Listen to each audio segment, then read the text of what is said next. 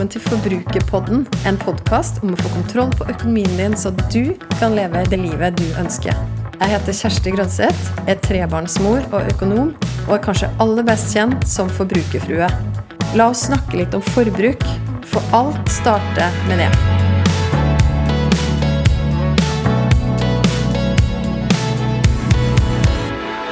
Du som har hørt på Forbrukerpodden tidligere, du vet at jeg ofte syns det er spennende å utforske hva som ligger bak de valgene vi tar med pengene våre, og hvordan vi tenker og føler rundt vår egen økonomi.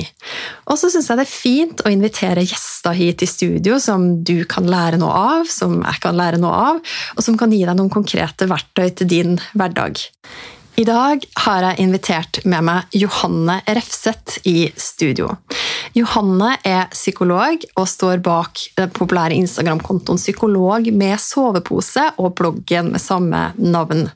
Johanne er lidenskapelig opptatt av å formidle kunnskap om psykologi, har vunnet pris for sin evne til å gjøre det, og hun er en veldig spennende person som jeg gleder meg til å introdusere deg for, og som jeg gleder meg til å snakke med. Så da vil jeg bare si hjertelig velkommen til Forbrukerpodden til deg, Johanne. Tusen takk for det. Det var kjempegøy å få komme, det må jeg virkelig si. Jeg gleder meg veldig masse til å prate på den podkasten her. Jeg har også gleda meg masse til å ha deg i studio. Og jeg er veldig nysgjerrig, og jeg er sikker på at de som hører på nå også er veldig nysgjerrig. Kan ikke du si litt mer om bakgrunnen for bloggen og Instagram-kontoen din? Ja, eh, det vil jeg gjerne. Jeg, eh, det er jo litt en lang historie, men jeg starta jo med friluftsliv i 2015. Eh, litt etter en kjærlighetssorg, faktisk. Det var litt et sånt mestringsprosjekt jeg hadde. At nå skulle jeg bli sånn som sov ute aleine i skogen. Og på det tidspunktet så starta jeg også opp en Instagram-konto med bare som vanlig friluftsliv. Den, den gangen så het den rullegress. Da. Men sånn, ved siden av det her friluftslivet så hadde jeg eh, psykologlivet mitt, hvor jeg var brennende opptatt av psykologiformidling.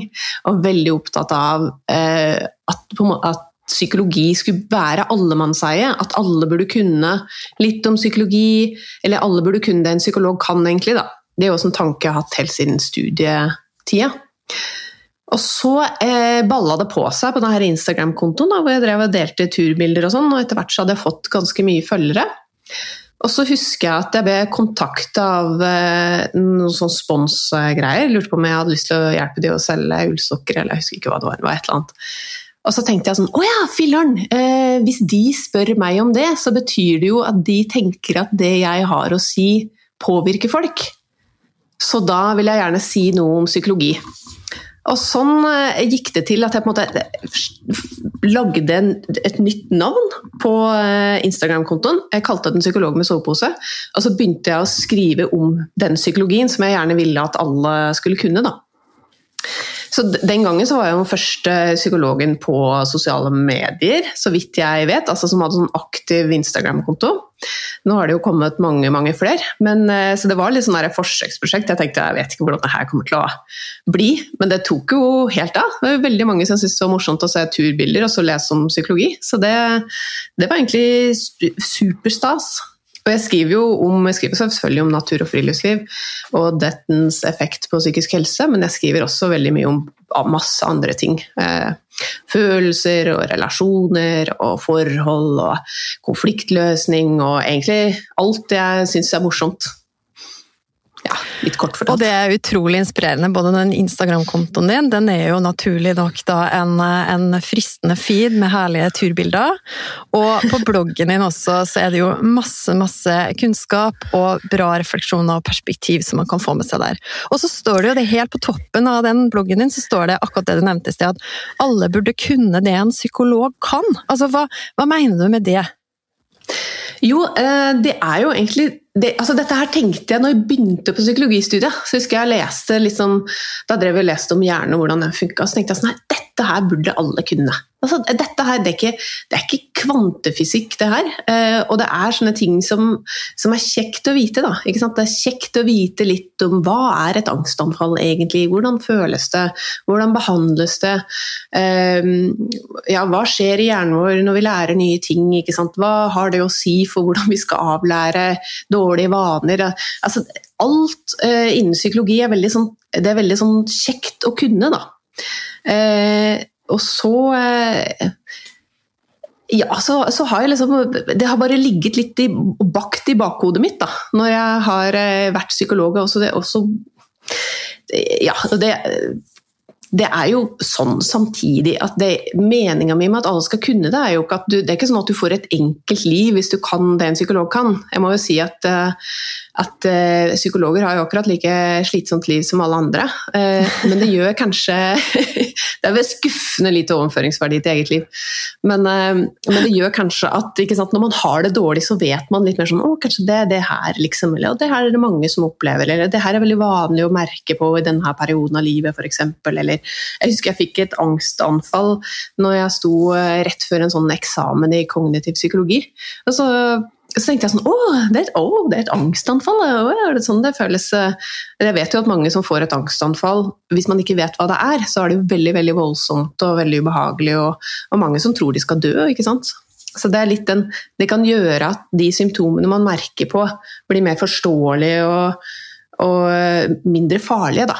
Mer at man tar vekk både stigma og litt med den der ekstra rettssalen man får hvis man føler på noe man ikke vet hva er. Mm. Og nå sitter jeg og lurer litt på om jeg burde sagt det samme, da, at alle burde kunne det en økonom kan. Ja, det, det, tror jeg. det, tror jeg. Kanskje spesielt, for det, det, du er inne på nå, det er jo det, handler, altså, det er utrolig bra det du sier. Mm. Nettopp det med å forstå når vi kommer i situasjoner som kan virke skremmende, eller litt sånn fremmed for oss når vi ikke har opplevd det før. Men så handler det jo om hvordan kroppen vår reagerer, hvordan vi sjøl, følelsene våre, reagerer på ting som skjer med oss. Og det er jo veldig mye likt. Altså med økonomi også. Det jo, mange har et veldig forhold til det som at åh, det Jeg har kanskje litt sånn matteangst, eller jeg, jeg klarer ikke helt det med tall, ikke sant. Og så, og så blir det fort et sånn der område som når noe skjer, da, så klarer man ikke helt å ta tak i det, fordi man, man, man har ikke kanskje noen enkle verktøy eller enkel kunnskap, da. Som litt, ja. litt uh, tilsvarende. Ja, det, jeg, jeg, er så enig. Det er jo sånn jeg eh, til dels altså Jeg er blitt flinkere til det, men til dels har hatt det med økonomi selv.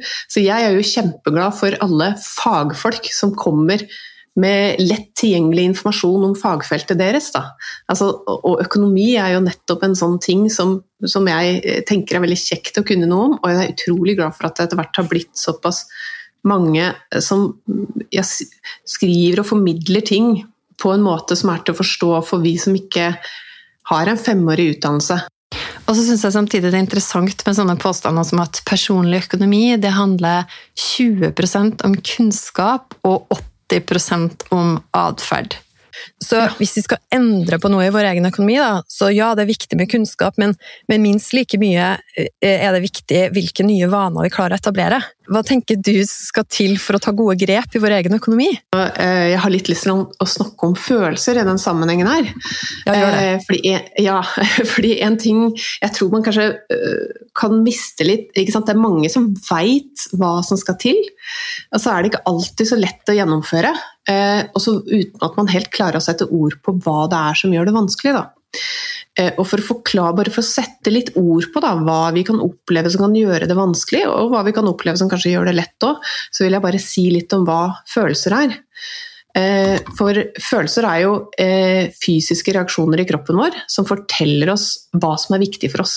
Det er litt som et indre kompass som sier at du skal gå i den retningen eller du skal gå i den retningen. Og det sier også litt om historia vår, hva vi kommer fra. Eh, det vil si at vi har eh, sant, Hvis vi er i ferd med å gjøre noe veldig dumt økonomisk, vil, og vi er klar over det, så vil vi gjerne kjenne en sterk følelse inni oss. Da.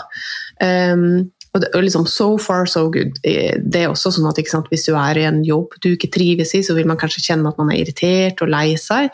Og så er de to følelsene med og fortelle deg at dette her er kanskje ikke riktig sted for deg, eller at du må ta noen konflikter før at det her blir riktig for deg. Eh, på samme måte som treffer man noen man virkelig virkelig liker, så vil man føle mye glede og kjærlighet, ikke sant? og så forteller den følelsen deg at ikke sant, nå skal du bare fortsette i marsjretning. Så det er egentlig et sånn veldig sånn presist indre system. da. Og det snakker jo veldig høyt når det gjelder ting som er veldig viktige for oss. Og jeg tror vi må eh, vite, altså vi må på en måte anerkjenne at dette med økonomi handler om overlevelse. Det, det, er noe veldig sånn grunnleggende i oss. Da, det er jo eh, altså det, det, er det samme som før i tida handla om hvor, hvor mye liksom, hvilken elg klarer du å skyte? Sånn, altså, klarer du å på en måte, eh, for, for hundrevis av år siden, da, hvor det handla om mer jakt og fiske eller jordbruk, hvor det var veldig konkret, hvor mye får du inn, og klarer da familien din å overleve på det? Så handler, det er kanskje det økonomi er for oss i dag, da, følelsesmessig. Mm. Hvor mye får du inn, og klarer familien din, klarer du å overleve? Så Poenget mitt med å si det er at det er nok veldig mye følelser i økonomi som folk ikke alltid anerkjenner. Da. Vi tenker at det er tall og, og um, regnskap, men at for mange av oss så, det, så går det veldig djupt. Uh, og så er det jo sånn med følelser at det kan bli vanskelig for oss fordi kroppen vår kan holde følelser nede. Det høres litt komplisert ut, men de fleste kjenner til det her. Um, F.eks. så kan det være sånn at når følelser kommer opp i oss, at vi da spenner opp litt. Mange kjenner det, at hvis de er i konflikt, at de kanskje får ikke sant, De kjenner de blir anspent i kroppen eller får hodepine, eller en annen mekanisme som kan skje, er at man kanskje får, får vondt i magen, eller at man får kvalme, eller får diaré eller forstoppelse. Altså, det vil rett og slett, Istedenfor at man merker de ulike følelsene, så merker man at magen reagerer. En tredje ting som kan skje, er at man kanskje blir uklar i hodet, eller sliter med konsentrasjon, eller, eller eh, blir svimmel, eller hører dårlig, eller ser dårlig, får tunnelsyn. Og alle de her mekanismene som jeg ramser opp nå, det er måter kroppen kan holde følelser nede på. Og hvorfor sier jeg den, den sammenhengen her? Jo, det er fordi mange kjenner igjen det her. At når de har følelser, så merker de ikke selve følelsen. Det vil si at de merker ikke kanskje at de blir lei seg eller sint eller, eller, eh, eller glad. Istedenfor at man Da merker man på en måte ikke det her indre kompasset. I stedet for så merker man kanskje at man blir anspent, kanskje man merker at man blir får vondt i magen, kanskje man merker at man blir, får annen type uro i kroppen. Og det er det som er litt poenget, at når man da driver med økonomi og kanskje gjør noe som, egentlig, som er bra for en, så merker man ikke den der signalet fra kroppen om at 'å, dette var bra'. I stedet for så blir man kanskje litt kvalm. ikke sant? Så Du har egentlig en, en følelsesreaksjon som skal fortelle at 'å, nå gjør du noe bra for økonomien din'. Og så istedenfor at du merker det, så blir man kanskje kvalm eller, eller uvel eller, eller så, får sånn sommerfugler i magen. Og på samme måte hvis man kanskje er i ferd med å gjøre noe som er veldig dumt for en, så istedenfor at man merker at liksom ens eget system sier 'oi, nei, ikke bruk de pengene her, det her er veldig dumt', så blir man kanskje anspent, da. Eller man blir stressa. Eh, eller, eller, man blir litt uklar i hodet. Og så gjør man det likevel fordi det her indre systemet som skal fortelle en hvor vi skal gå, ikke blir så tydelig for en. da. Mm. Og det er nok et ganske stort problem innen økonomi, at man ikke merker hva som er best for en selv, fordi vi har denne type reaksjon. Dette her er ekstremt vanlig. altså hvis man har eh, det der å ikke merke helt sitt eget indre kompass, og istedenfor bli urolig i kroppen eller anspent eller få kvalm, eller vondt i magen eller det, Man regner med at det står for omtrent halvparten av alle alle fastlegebesøk, da, denne type reaksjoner. Så det, det, som skjer der, er jo at du får på en måte litt sånn feilinformasjon fra kroppen din. Det gjør at mange, f.eks. når de begynner å ta tak i økonomien, eller kanskje skal ut gjøre noe bra for seg sjøl på andre vis, eller kanskje date drømmemannen eller drømmekvinnen, da. Så istedenfor at de da merker at kroppen sier 'yeah, kjør på, det her er kjempebra', så blir man kanskje stressa. Og så kan man begynne å feiltolke og tenke man at ah, kanskje ikke det her er bra for meg, eller ah, kanskje det her blir feil, eller ah, kanskje nei, nå orker jeg ikke. Kanskje man bare blir sånn ah, nei, orker jeg ikke gjøre det her, jeg bare legger det fra meg, utsetter det, eller Veldig typisk når det kommer til regninger, at man begynner å kikke på regningene sine og ser at oi, jeg går i minus, så får man så mye følelser inni seg, så kanskje man blir anspent. Og så istedenfor at man bare å ja, det er bare følelser inni meg, det er bare fordi det betyr mye for meg, så legger man kanskje bort regningsbunken, og så gjør man ikke noe med det i resten. Så mm. ja, jeg vet ikke om det gir mening, det gir mening, og jeg skulle akkurat spørre deg om den regningsbunken. Fordi det, det her er en, en, ting for meg, skjønner du. Som, som, er så opptatt av min egen økonomi og snakker så mye om økonomi, så er det jo sånn at eh, jeg har jo da forsøkt å automatisert alt jeg kan av e-faktura, avtalsgiro, alle faste trekk mellom konto osv. Men så er det alltid noen sånne regninger. Det kan være parkeringsavgift, eller det kan være hvis jeg har bestilt en bok i bokklubben, eller nå tar jeg bare de siste eksemplene jeg kan komme på, så får jeg papirfaktura i posten. Og det jeg gjør da, det er litt sånn uvane, da bare plasserer jeg de pent i en sånn hylle i gangen. Og så kjenner jo jeg til og med så bevisst jeg tenker at jeg sjøl er på både hvor viktig det er med gode vaner når det kommer til økonomi, og, og det å unngå purregebyr og alt det er bare sånn unødvendige ting for økonomien, så blir det liggende. Og så er det sånn at jeg må lage meg en to do på lista mi som er sånn Nå tar du den regningsbunken. Og det her skjer flere ganger i året, altså. Og da, og da får jeg sånn Jeg kan kjenne når vi bare snakker om det nå, så får jeg jo litt denne kvalmen som du er inne på. da. Ja. Og så vet jeg at måten å komme over den på, er jo bare å få, få satt meg ned og betalt de regningene. Og det er også litt ja. sånn at uansett og, og, jeg får en annen assosiasjon at ofte hvis jeg går og føler på at det er veldig mange store utgifter som svever om dagen, for eksempel igjen, litt sånn nærliggende eksempel for meg, bilen skulle på EU-kontroll, og så hadde ikke vi helt planlagt for det den gangen her. Og nå er det snart ferie, og så, og så videre og så videre. Og så, da, da, blir det veldig sånn Jeg kjenner de der, åh, den der fysiske reaksjonen altså veldig på kroppen, akkurat det du beskriver, egentlig. Og så er det jo på en måte for eksempel Mannen min er helt annerledes. Han bare sånn, ja, men Det ordner seg jo alltid. Men jeg kan kave meg opp og stresse meg opp. da. Bare for sånne ting som jeg ikke helt har kontroll over. Er det også eksempel på det du beskriver nå?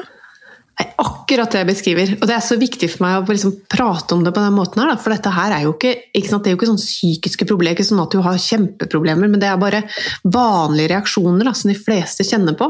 Men det er på en måte sånn feilmeldinger. ikke sant? Det er som Du får en melding fra følelsessystemet ditt som sier at ok, det, dette burde jeg deale med, og så er det et annet del av systemet som sier sånn nei, jeg orker ikke kjenne på følelser akkurat nå, og så, og så merker man det ikke. da. Jeg har jo akkurat samme greie. Jeg hadde nå hadde jeg, jeg har jo gått over fra øh, lønnsjobb til at jeg skulle eh, ha mitt eget firma. Og så hadde jeg en sånn periode derimellom da, hvor jeg ikke hadde noe inntekt.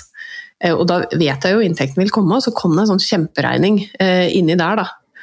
Og sånn, Istedenfor at jeg da bare sier til samboeren min kan du betale den regninga her, og så betaler jeg den tilbake, så bare la jeg den bort. Og det er jo så superdumt. Og så ligger det sånn, sånn stress i, i, i bakevja i huet mitt. Da. Og, og det, ja. Jeg tror dette her, her er jo det er jo et godt eksempel på samme greia, for det var et eller annet som var litt sånn ubehagelig med å skulle betale en regning jeg egentlig ikke hadde råd til. Ikke sant? Hadde ikke penger mm. på kontoen. Altså, så liksom, å ja, men da var det som den hjernen liksom istedenfor å bare Ja, da må du jo finne ut av det, da. Altså, nå må du finne ut hvor du får de pengene fra. Eh, så ber hun nei, bare legge den bort, liksom. For da, mm. da slapp jeg å føle på det. så egentlig det jeg unngikk, var det hva som skjedde inni meg når jeg forholdt meg til virkeligheten. da. Istedenfor å Ja, og så blir det jo bare med rykkergebyr da, fikk jeg lov til å betale enda litt mer. Så det var jo kjempesmart. Ikke sant? Det er det som skjer, ikke sant? ja. men, men, hvordan tror du, eh, sånn i praksis, da, når vi kjenner den klumpen i magen, hvordan kan vi, hvordan kan vi deale med den der og da? Du, jeg, jeg, tror det er bare, bare, det å være klar over det, da. Eh, og ikke bare fordi veldig ofte så gjør vi noe, og så kjenner vi litt sånn ubehag, og så uten å tenke over at oi, nå kjente jeg noe ubehag, men jeg skal jo gjøre den handlingen her allikevel. Så bare slutter vi med det vi driver med fordi vi har et eller annet sånn koke på innsida. Så det er veldig viktig å være klar over at bare, å ja, men det er bare noe kroppen min prøver å fortelle meg. Samtidig så, så, kjenner jeg ikke helt hva det er, men det er helt greit. Altså bare å gjøre det man skal gjøre selv om man føler på litt ubehag inni seg, rett og slett. Altså sette seg ned og ja, eh, jeg har jo dette her med, med selvangivelsen hvert år. Jeg har så mye ubehag i meg når jeg skal gjøre den, men jeg må jo gjøre den. Eh, og, så gjøre det selv om man kjenner på litt indre ubehag. Og så kanskje prøve å kjenne sånn Ok, er det noen følelser i meg? Blir jeg lei meg? Det kan jo være sånn så, så, enkelt som at ja, nå ser jeg at jeg må bruke hele ferieoppsparingen min på regninger.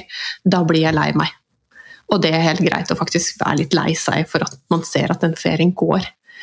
Eh, eller kjenne seg litt irritert over at man ser at å, nå har jeg, filler, nå har jeg betalt ekstra renter her, her de pengene her kunne jeg brukt til til Leos lekeland i helga. ikke sant? Det, det, altså, bare vite at liksom, kroppen kommer til å ha sånne reaksjoner, og så gi seg litt tid til å kjenne på det. da.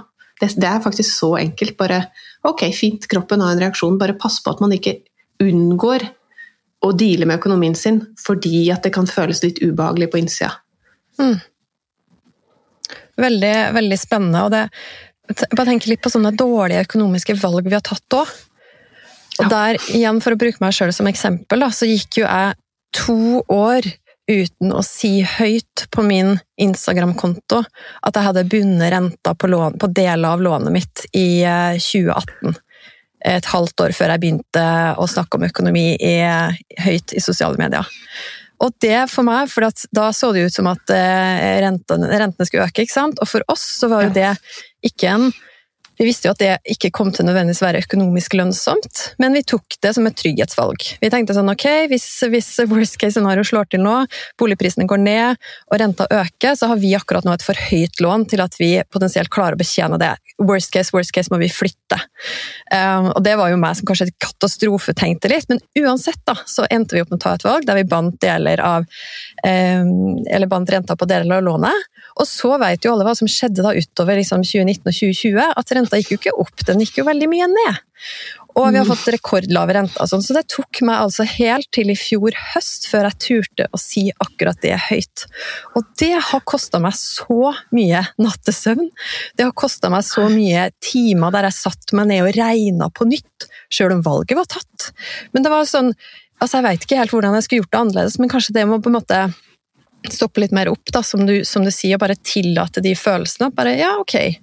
Nei, det, det, var kanskje ikke det beste valget. Og det, akkurat nå så kjennes det veldig kjipt ut, fordi at nå skal jeg i tillegg gi råd til andre om å ta gode økonomiske valg. Men ok, jeg må bare tilgi meg sjøl. Move on. Men det tok altså to år da, før jeg turte å si det høyt. Hva tror du det skyldes, da? Uh, nei, Det er jo vanskelig å si, men, uh, men det, det, hvis man skal si sånn på generell basis, da, så kan man jo lure på om det er en sånn derre Ok, men de følelsene jeg har i forhold til det her, de tar liksom ikke helt gir ikke helt plass til. Istedenfor så kan man kverne jeg, jeg, sånn, jeg, blir veldig redd for jeg skal, jeg skal, ikke diagnostisere deg eller si noe om hva det vet jeg altfor lite om. Da, men, men, sånn, eh, men, det her med at, at, det er vanskelig At man kan henge seg litt opp i ting, da. Uh, kan ofte handle om at man kanskje ikke tillater seg sjøl å bare kjenne at Fy søren, jeg ble skikkelig lei meg at jeg mista de pengene her. Det er skikkelig kjipt. Mm. Og, eh, og, så bare være litt sånn, la seg sjøl tenke at ja, men det er det er jo sånn økonomi er. At vi vet jo ikke om renta kommer til å gå opp eller ned. Vi må jo bare ta en råsjanse. Og så ja, tenker jeg med aksje, aksjemarked og egentlig Det er sånn helt vanlig spillpsykologi. Da, på en måte. At hvis du taper mye penger eh, på spill, så er det veldig mange som istedenfor å bare kjenne på de følelsene, kjenne at vet du hva, nå har jeg tapt mange mange tusen kroner på det her, og kjenne at det er veldig dumt, og bli lei seg over det, og liksom ungene mine og ja, hvem det nå er det går utover, da. Og så virkelig føle de følelsene. Istedenfor å kjenne på det, så tenker man sånn Nei, vet du hva, nå skal jeg vinne det tilbake. Og vi vet mm. jo alle hvordan det pleier å gå. Huset vinner jo alltid. Sånn at da kan man på en bruke enda mer penger og tape enda mer. Fordi at man på en måte mm. ikke tillater seg selv å kjenne på det tapet man har hatt. Da. Man på en måte plastrer på det eller gjør det ugjort eller ja, og jeg skal bare si som dette her er ting jeg gjør òg hele tida. Altså vi kjøpte jo Jeg tror jeg er ganske sikker på at vi betalte Vi kuppa en leilighet i 2018, jeg er ganske sikker på at vi betalte litt for mye for den. Det kan også sånn kverne i hodet mitt. Mm. Jeg burde ikke gjort det. Så det er helt, helt idiotisk å sitte og tenke på nå. Ja, ikke sant? Og, og, i den grad det hindrer oss også fra å komme oss litt videre. da. Og bare ok, mm. greit, det var kjipt, men nå, nå er nye sjanser ja. Men jeg tror, kan det ikke stemme at vi, vi, er ikke så vant til å tenke følelser og økonomi. Altså, man er ikke så vant til å tenke Man kanskje kjenner på sant, Hvis du har et, uh, et breakup, da, eller du slår opp med noen, så vet vi at liksom, ah, vi faktisk bearbeider det her tapet litt. Jeg må faktisk være litt lei meg eller sint, eller hva nå er man er, da. Uh, etter at dette her skjedde. Men man er ikke, man er ikke vant til å liksom tenke at kanskje jeg må faktisk uh, sørge litt, det her aksjetapet mitt. At det, det var kjipere å miste alle de pengene. Mm. Har jeg, det har jeg følelser i forhold til. For det er jo utrolig viktig for oss her, hvor mye penger vi har inne. Fordi det handler om overlevelse, det handler om familien, det handler om, om sant, hvor bra eller sant, sant, levestandard. Det handler om ting man kanskje vil, som man må bruke penger på. Så det Ja, jeg tror man må Jeg vet ikke om det er kanskje fordi det er veldig sånn talltungt fag i utgangspunktet. Ja, at man forbinder det med det, og tenker at det kan man skille litt fra følelsene. Mer enn en kjærlighetssorg. Det skjønner man at handler om følelser. Ja, nettopp. At det kanskje man tenker, ja, kanskje ikke så lett å, å, anerkjenne hvor følelsestungt økonomi er. Og det er jo mange som bruker det å kjøpe ting som følelsesregulering. Man, hvis man har det dårlig, så kjøper man et eller annet for å få det bra. Som egentlig ikke handler om måte, det man kjøper, som er sånn litt dårlig valg på kort sikt. Mm. Eh, men som handler om at man bare vil at det der på innsida skal gå bort. da. Mm. For at man erkjenner at ok, nå har jeg det ikke bra, nå må jeg gi litt plass til det. Men jeg trenger ikke kjøpe noe for å få bort den følelsen. Den, da gjør jeg på en måte bare da gjør jeg noe enda dummere. Med mindre man har råd til det eller har lyst på det. eller... Ja, men det er jo litt sånn dumt på to måter. ikke sant? For ofte så er det jo de tingene vi kjøper når vi har liksom når vi har en dårlig dag. Det er jo ikke akkurat nødvendigvis de beste kjøpene. Og så er det jo liksom at da går det jo også utover bankkontoen og, og andre ting vi kanskje heller hadde lyst på. Ja, mye sånne ikke sant? Det, det er veldig sånn kort, kortsiktige valg som for noen handler om at de, at de, ikke har lyst til å kjenne på sorg, eller ikke har lyst til å kjenne på sinne, eller ikke har lyst til å, å gi plass til seg sjøl, egentlig. Da. At, og det er nok litt en samfunnsgreie, at vi er veldig opptatt av å ha det veldig bra hele tiden. At Eh, vi kanskje ikke er så gode til å være litt i det at livet det suger ganske røret ganske mye ganske ofte. Og at man da kanskje bruker det med forbruk da, til, og at godt hjulpet av kjøpstanden da, til å reklamere for at liksom, ja, nå kan du få det bedre, eller hvis du mm. ser litt bedre ut, så får du det sånn og sånn. Og, eh, ja, som dessverre er, en, en det er med på å eie opp det her. da. Men at istedenfor at vi gir oss plass til å ha en dårlig dag, så kjøper vi det bort, og så blir det dobbelt så dumt. Fordi man mister penger og, og i tillegg ikke tillater seg selv til å bearbeide det man nå står i. Mm. Du, det her er veldig interessant og veldig bra, Jonne. Det er veldig konkret til livet. Også det, det jeg tar med meg nå fra det vi snakker om, er jo bare det å stoppe opp litt og så tillate kanskje også kjipe følelser. da. Og, ja. og, rett og slett så enkelt som det. Bare anerkjenne de. Ja, ja, det er det. Det er faktisk uh, tillatt seg sjøl litt sånn hverdagsfølelser. Og jeg skal også si sånn at En ting som er med det her jeg prater om at kroppen kan holde følelser nede Man skal være obs på at man av og til uh, distanserer seg fra gode følelser også. Så mange ganger så tenker man at ja, jeg tillater meg sjøl å kjenne på de dårlige følelsene, men off, mange ganger så prater jeg med folk som faktisk får litt sånn her, blir anspent og stressa når de egentlig har det veldig bra. Sånn at man, Det er egentlig logisk, det mange kjenner igjen. at man ikke sant, er, Kanskje ting går veldig veldig bra, så begynner man å tenke sånn Oi, når går det dårlig? Fordi man egentlig ikke klarer å tillate seg å kjenne at vet du hva, nå går det skikkelig, skikkelig bra. Og det er greit. Så kanskje man gjør noe dumt, da, fordi man ikke, eller kanskje man kjøper noe, eller fordi man egentlig blir litt stressa av å ha en god følelse. Det er sånne småting som Ja, man ser jo veldig mye som psykolog. Jeg gjør jo alle de samme feilene sjøl, men uh, jeg kan jo formidle det på Instagram likevel, da. ja, det, er veldig, det, er veldig, fint sånn. Tror, men, det, men, men, helt oppriktig, det tror jeg jo folk setter litt pris på. At det er jo ikke sånn forventa at selv om du er psykolog og, og selv om jeg er økonom, og sånn, så forventer folk at vi skal gjøre alt perfekt. Jeg, mitt inntrykk er at folk blir nesten litt glad når de hører om sånne eksempler. Sånn, 'Å, har du også en sånn regningsbunke?' 'Å ja, får du også?' Blir du også litt stressa, selv om du egentlig vet hvordan eh, psyken vår fungerer? ikke sant? At da, ja. da føler man seg litt menneskelig da. Ja, ja, det er også mitt inntrykk. at uh, Folk er heldigvis veldig sånn, søte og greie med liksom, at 'å, så bra at du også gjør litt sånn'. og ja, tenker det. Psykologer går jo også til psykolog, liksom. Så, ja, ikke sant. Og, og det her med her, Du var inne på det med åpenhet. da. Og det, det, har det jo vært veldig mye snakk om både sånn rundt mental helse nå, veldig mye snakk om det siste året, men også det med økonomi. At um, Alternativet er jo at vi skal gå og holde masse inni oss, at vi ikke tør å dele særlig kanskje dårlig valg eller ting som er litt sånn skambelagt. Eller bare det at vi ikke har noe sånn altså det, blir, det er for mye prestisje eller for mye som står på spill til å snakke om disse tingene i hverdagen. Og der, der er jo mange som har begynt, spesielt på økonomisida, altså veldig mange som deler sin reise. litt sånn sånn åpent og i sosiale medier eller sånne ting. Og, og no, for noen så er jo det kjempebra.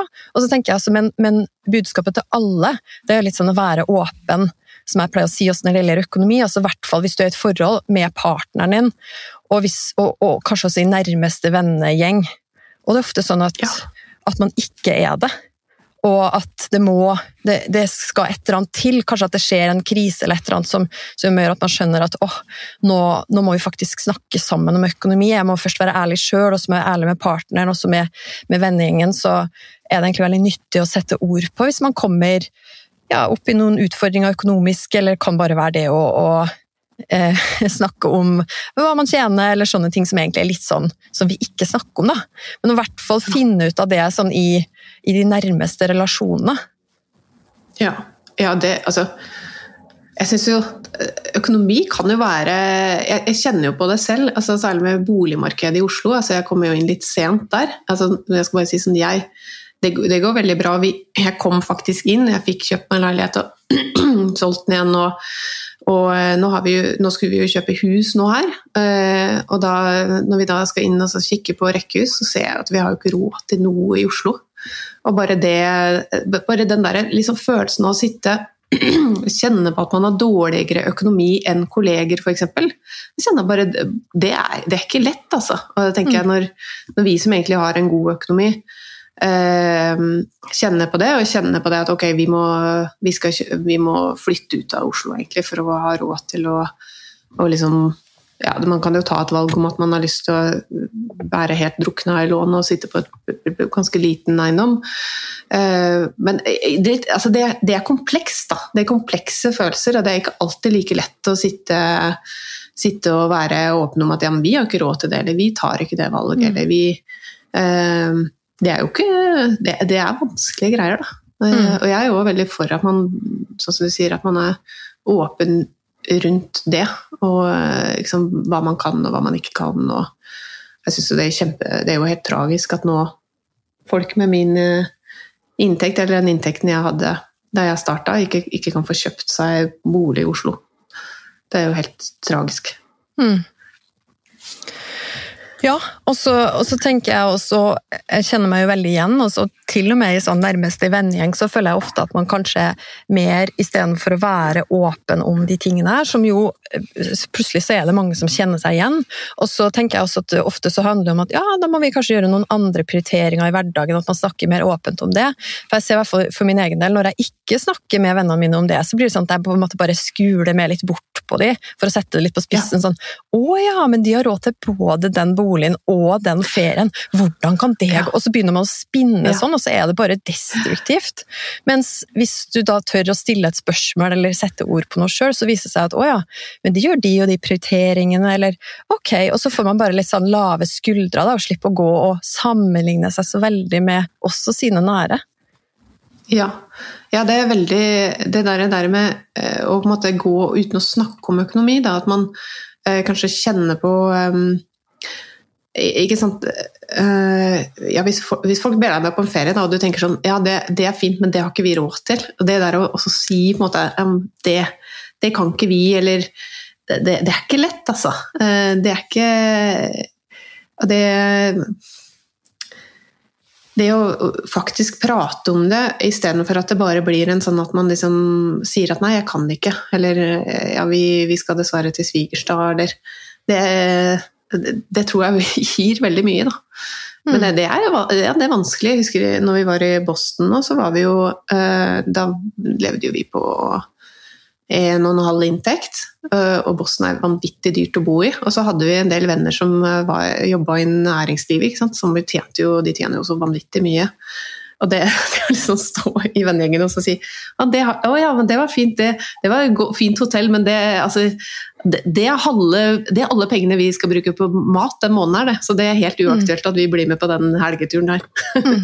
det er ikke Ja, det, er krevende, altså. Mm.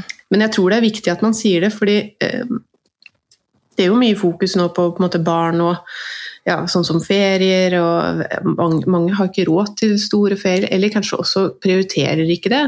Og så snakker vi mye om ja, hva skal barna snakke om når de kommer tilbake på skolen, og Det er mulig dette blir et litt langt hopp, men, men det er jo også noe med å gjøre det litt stuerent, og spare og gjøre litt stuerent og ta hånd om sin egen økonomi og, og si at ja, men vi drar ikke på den ferien, eller vi mm. eh, våre små, altså, da jeg var vokste opp, så hadde jo ikke folk så mye penger. Det høres ut som jeg vokste opp veldig sent, men da på midten av 80-tallet var det, jo, mm. det var ikke noen som dro til Syden da. Så det var ikke noe skam i å ha vært på telttur eller hjemme Nei. hele ferien. Altså, det, det, var liksom ikke et tema, da. Så når jeg ser nå at liksom barn som kanskje ikke da drar på ferie, eh, opplever mye skam, og sånn, så tenkte jeg wow, det har skjedd noe med pengenivået i samfunnet. Mm. Det, vi, jo, vi kommer jo til å reise til Vi drar jo til svigers eller på telttur. Det er jo det vi gjør. mm. Ja, men Det der er så utrolig viktig, og nå nærmer det jo seg ferie for veldig mange. da. Og du vi skal gå inn for landinga av denne episoden. her. Det er utrolig interessant å snakke med deg. Vi kunne snakka lenge om det her. Jeg må helt sikkert invitere deg tilbake på et senere tidspunkt også. Men når, når det kommer til, eh, til, det med ferie og ferieøkonomi, så er jeg så enig med deg. Og det å tørre å kunne ta egne valg og egne prioriteringer. Sånn ser det ut for oss akkurat i år vi har råd til det her, eller bare vi har et annet mål for pengene våre akkurat nå. Det er så utrolig viktig. Du som hører på nå, jeg håper at du er i den situasjonen at du har bestemt deg for hva som er viktig for deg i sommer. Og at sjøl om det nå blei lov til, til og med lov til å reise til utlandet, så er det ikke sånn at alle må det. Og det er heller ikke et mål på hvor vellykka man er, eller, eller uh, hvor, hvor, på stell man har ting, at, at, man kaster seg på første fly. Så, så vær frimodig og, og ta, ta, dine egne prioriteringer. Men, men, kan ikke du, eh, Johanne en ting er at Jeg har invitert deg tilbake til en liten sånn miniepisode i sommer. så Der skal du få dele noen helt konkrete tips. Men hva vil du si litt om inn i den eh, ferietida som ligger foran nå til folk. Hva vil du sende med dem av, av gode råd på veien, eh, basert på det vi har snakka om i dag? Jeg tror i forlengelse av det vi snakka om, eh, om, nå, det her med å kjenne etter hva som blir riktig for deg og familien. Hvilken ferie er, er, vi fornøyd med hvis jeg tar med hele helhetsbildet? Ikke bare hva som kunne sett kult ut på Instagram eller hva de andre vennene mine gjør, men sånn tåle, eh, tørre å stå i det som er riktig valg for deg, da. Altså, og for familien. Eh, og hva som er riktige prioriteringer. Det tror jeg er veldig veldig viktig. Altså. Sånn at ferien ikke blir et sånt stressmoment hvor man kanskje bruker flere penger enn man egentlig har råd til, og dermed dra med seg litt stress inn i hverdagen videre. Uh, og gjøre det ja, stuerent og på en måte ha en, eller prate om, da. Og at vi prioriterer dette her. Eh, vi prioriterer å reise til besteforeldrene, egentlig, og så skal vi ha hjemmeferie etter det. Fordi at eh, huset vårt i Oslo koster så masse at det, da må vi jo faktisk kose oss her i ferien. For eksempel, da.